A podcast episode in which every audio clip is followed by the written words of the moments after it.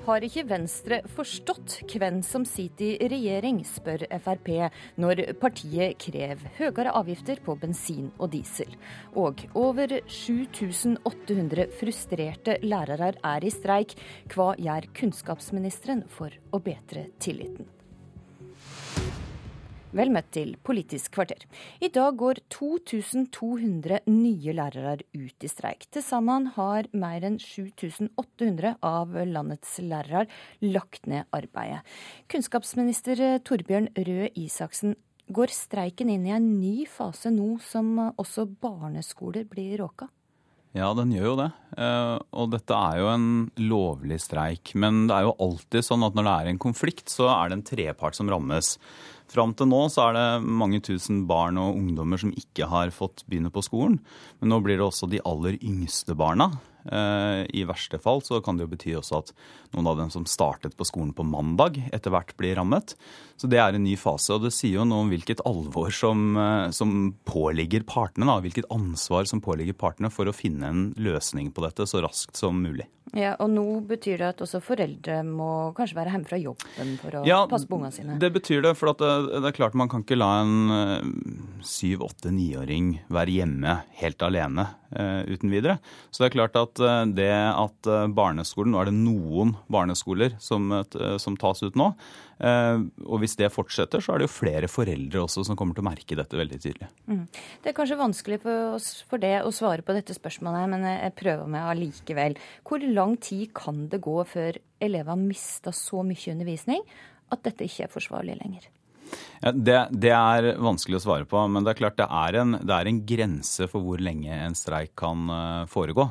Uh, for det, uh, det er, kan ha noe med samfunnssikkerhet, det kan ha noe med andre vitale samfunnsinteresser å gjøre. Men vi er ikke på den grensen nå. Så foreløpig så er det sånn at vi må si at dette er en lovlig streik. Eh, som dessverre da rammer eh, skoleelever. Men eh, det er en grense. Men hvor den grensen går, det er det ikke mulig å si noe om nå. Men samfunnssikkerhet, jeg forstår ikke helt hva du mener med at nei, altså, det har med skoletid og undervisning å gjøre?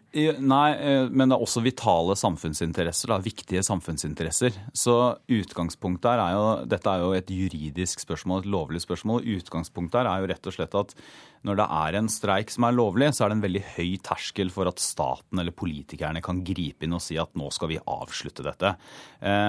Det forutsetter i så fall at eh, det er, som jeg nevnte, altså samfunns, vitale samfunnsinteresser, eh, samfunnssikkerhet, helse og liv, den type ting. Det er ikke noe aktuell problemstilling nå, men det, det er klart hvis streiken blir veldig langvarig og går altfor lenge, så vil det bli en problemstilling. Men det vi må sørge for, er jo at streiken avsluttes før det. Og da er det jo nettopp partene som sitter nå i sonderinger, som har nøkkelen til å gjøre det. Og nøkkelen til at barn skal få lov til å komme tilbake og få den skolegangen de har krav på. Ja, Og partene, det, de skal, det er venta at de skal møtes til eh, sonderingsmøte i formiddag. Og verken KS eller Utdanningsforbundet ville komme til Politisk kvarter i dag. Men hva kan du si om den kontakten du har med partene under denne streiken? Eh, jeg kan si at vi holder oss løpende orientert. Og så er det selvfølgelig sånn at vi også har kontakt med partene. Det hadde vi lenge før dette begynte, og det har vi selvfølgelig også nå. Men noe mer enn det har ikke jeg lyst til å si. Men det jeg kan si, eh, og som jeg syns er viktig, det er at for å løse denne, denne arbeidskonflikten, så ligger nøkkelen hos partene. Men det er klart, vi må alle, og da mener jeg alle, da mener jeg statsråd, altså jeg, regjering, kommunepolitikere, skoleeier, hele det politiske Norge. Vi må jo også være med etter at streiken er ferdig, på å se hva er det vi kan gjøre for å unngå dette en gang til. Og Da mener jeg at vi skal selvfølgelig holde fast på de politiske prioriteringene vi har, men vi må også lytte til signalene som kommer fra Skole-Norge. F.eks. når lærere sier, og har sagt i mange år, at de siste årene har det blitt mer byråkrati og flere tidstyver i hverdagen. Eh, lærerne sier at eh, det blir mindre tid til å gjøre det som er kjerneoppgaven vår, nemlig lage god undervisning for barna. Det er jo det som er det aller viktigste her, at ungene får en god undervisning. Ja, hvor da konkret da, kan du som kunnskapsminister gjøre for å minke lærerne sin frustrasjon? Det kom en rapport i 2009, eh, det er en del år siden, eh, om tidsbruken i skolen. Eh, den, vi holder nå på å følge opp én del av den. altså Noe av det statlige det er blitt delvis fulgt opp allerede. Det helt konkret vi gjør, er at vi har et prosjekt som er ute i kommunen, ute på skolen, som skal finne tidstyver. Og Hensikten med det er jo ikke å, å bare lage en liste over hva som stjeler tid, men det er jo å finne tidstyver og fjerne tidstyver.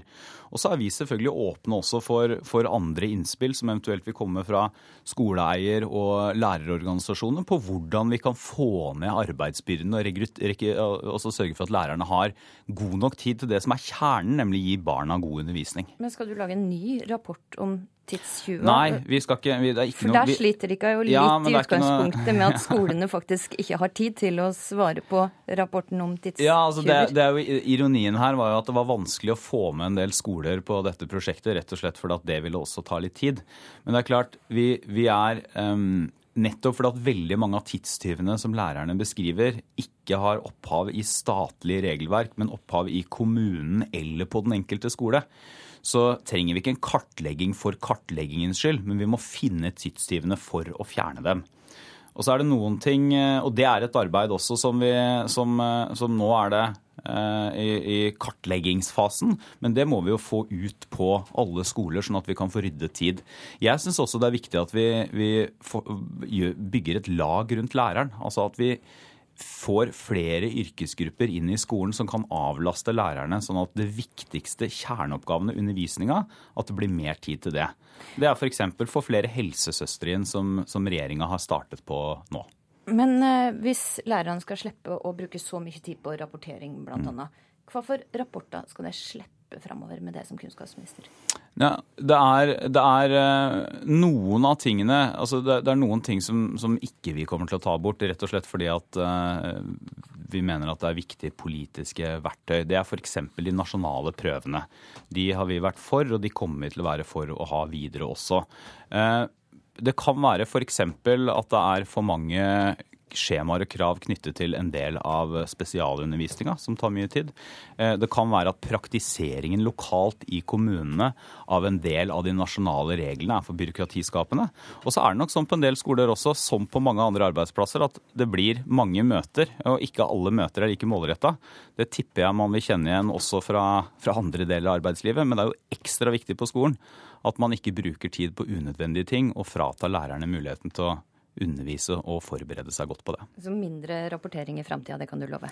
Ja, det er eh, helt klare ambisjonen. Og med det sier jeg takk til det, Torbjørn Røe Isaksen. Vi følger sjølsagt utviklinga i streiken tett her i NRK.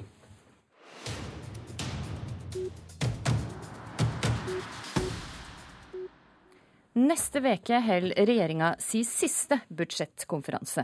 Og med det, får de med det får de med seg et krav i sluttforhandlingene fra Venstre med å øke miljøavgiftene med over 7 milliarder kroner.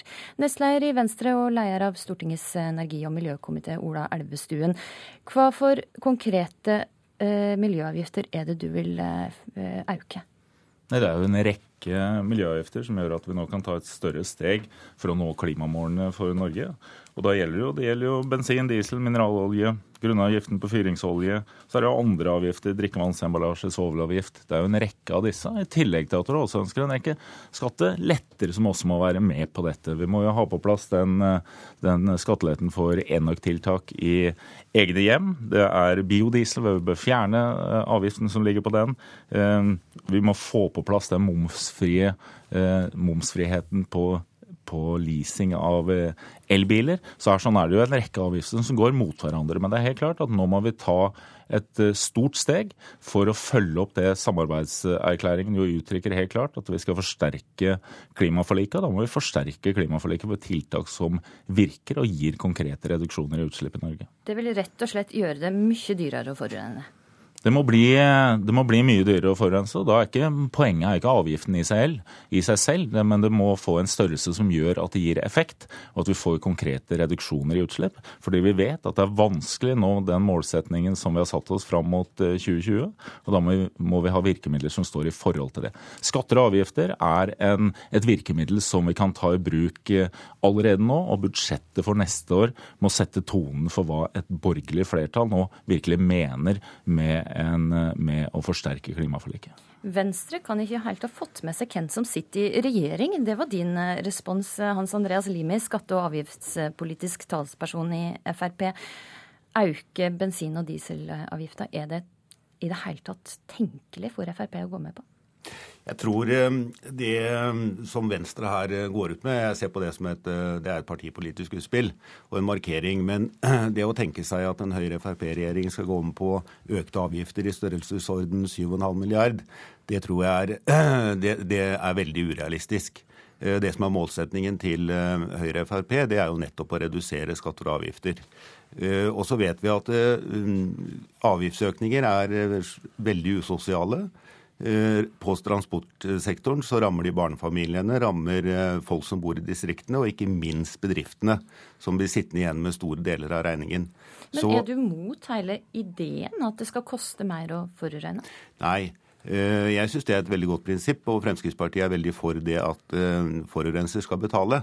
Det som er viktig da, det er at man har en balanse i dette. Fordi skal man øke noen avgifter, for å påvirke folks atferd, så må man også bruke gulroten og premiere miljøvennlig atferd. Eh, så det må være en balanse i dette, og det er nettopp det da regjeringen legger opp til, og som vi har forhandlet frem i Stortinget, bl.a. med Venstre og KrF. Du vil ha gulrot, men kanskje ikke så mye pisk? Jeg tror mer på gulroten enn å bare bruke pisken. Ja, og Det er jo nettopp det vi foreslår. Det er jo et grønt skatteskifte. Det er jo det som er hele grunnlaget. og Da må det bli betydelig dyrere å forurense. Samtidig som vi også går inn for skatteletter både på avgifter, men også i personbeskatningen. Sånn at det, må, det skal bli billigere eller det skal bli lønnsomt lønne seg mer å arbeide. Men så vil jeg si at dette, å si at dette er bare et partipolitisk utspill, det er det definitivt ikke. Eh, det som er utgangspunktet, er at vi, er, vi har dårlig tid. Som vi hadde nettopp en diskusjon i forhold til skolen. Jeg skal huske på at de som begynner, dette, Klimaendringene de er uvergelige, de kommer. Men det handler om å redusere eh, endringene og, de, og betydninga så mye som mulig. Og dette er ikke lenger fram enn de som nå begynner på skolen. Dette er, dette er endringer som de skal møte når de blir vanskelig, når de blir voksne. Og de møter det lenge før de er så gamle som det vi er. Og det handler dette om nå å ta et ansvar, og ta et ansvar eh, over lang tid. Og sette i gang med den endringen som vi vet må komme. Den må ikke komme i, bare i Norge, men Norge må vise vei og tørre å ta disse endringene og vise at det er mulig å få til en rask reduksjon i CO2-utslippene. Jeg viste på noen områder. Men ser du ikke det at dette er urealistisk å få gjennom med Frp i regjering, å øke både bensin- og diesel? Elavgifta? Nei, det er definitivt. Det er nødvendig. Og det Fremskrittspartiet også må svare på, er hvordan de har tenkt at vi skal redusere, uh, redusere klimagassutslippene. For det som er enigheten, er at vi skal forsterke uh, klimaforliket. Da må vi også forsterke det i forhold til å oppnå resultater. Og da er du nødt til å bruke skatter og avgifter aktivt for å oppnå dette, og oppnå det som er tilstrekkelig fram mot 2020. For de andre virkemidlene som går på å jobbe konkret med punktutslipp og andre formål, det er sånn tar det lengre tid. Det er en lengre planleggingsperiode. Dette virker, og det virker med en gang. Du kan se Mineraloljeavgiften som vi satte opp nå for i år, har gjort at salget av da den såkalte avgiftsfrie dieselen går ned hver eneste måned så langt i år. Ja, For du er fornøyd med den og vil heve den ytterligere, men eh, der er kanskje ikke Frp altså det, det, som er realiteten, er at eh, økningen i mineraloljeavgiften som kom som et resultat av forhandlingene i Stortinget, eh, den slår direkte ut på bunnlinjen for bl.a. bygg- og anleggsbransjen og landbruket. Eh, så det øker altså deres, eh, deres, kostnader. Og de er i en situasjon hvor de har eh, få alternative løsninger for å drive sin næring. Så det, det er derfor Fremskrittspartiet og Høyre da sier i bl.a. regjeringserklæringen at man må satse både langsiktig og kortsiktig, og så må man bruke avgiftene på en riktig måte. Fordelene for elbilistene er jo et eksempel på at det funker. Og det fungerer veldig bra. Eh, så har regjeringen også igangsatt et arbeid for å gjennomgå altså, eh, bilavgiftene og drivstoffavgiftene for å se hvordan man kan premiere annen miljøvennlig teknologi. Det jobbes med et eh, fradrag, innføre en fradragsordning for enøkinvesteringer i, i husholdningene. En rekke tiltak som er på gang. Positive tiltak som vil gjøre det Eh, attraktivt og økonomisk gunstig å velge miljøvennlige løsninger. Og Det er det sporet som denne regjeringen ønsker å jobbe videre etter. Ja, og Da må man ta et stort nok steg. Og Dette er også næringspolitikk. F.eks. det er helt nødvendig å fjerne, eller endre avskrivningsreglene i forhold til bygging av fornybar energi. Vindkraft. I dag bygges det ingenting i Norge, for alt går til Sverige. Her må endring gjøres nå hvis vi skal oppnå resultatene. Og så er det jo sånn, som, som i landbruket, så er det klart at landbruksoppgjøret er mye viktigere enn akkurat denne avgiften. Her må vi klare å ha en helhet, og vi må klare å drive en offensiv næringspolitikk, også miljøpolitikk, sånn at Norge kan bli både reneste og mest konkurransedyktige landet i verden. Der fikk du siste ord ordet, Ola Elvestuen. Takk for at du kom til studio, og takk også til det, Hans Andreas Limi. Dette var en forsmak på høstens budsjettskap. Mer skal det bli. Det var Politisk kvarter.